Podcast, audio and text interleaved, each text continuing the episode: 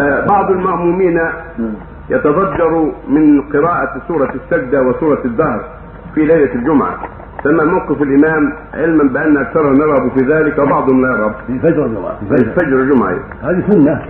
قراءة سجد السجدة وما فعل سنة. فعلها النبي صلى الله عليه وسلم ثبت فيها الأحاديث الصحيحة فهي سنة. يقرأ الإمام صلاة الفجر. الإنسان سجد السجدة بعد الأولى وهذا الإنسان بعد الفاتحة في الثانية هي سنة. واللي يتبرأ منها إما جاهل وإما ضعيف الإيمان. أحياء السنن. مطلوبة. فالإمام لا يبالي بهم يقرأ السنن.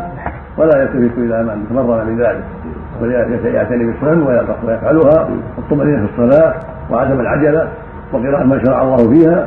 كل هذا مطلوب.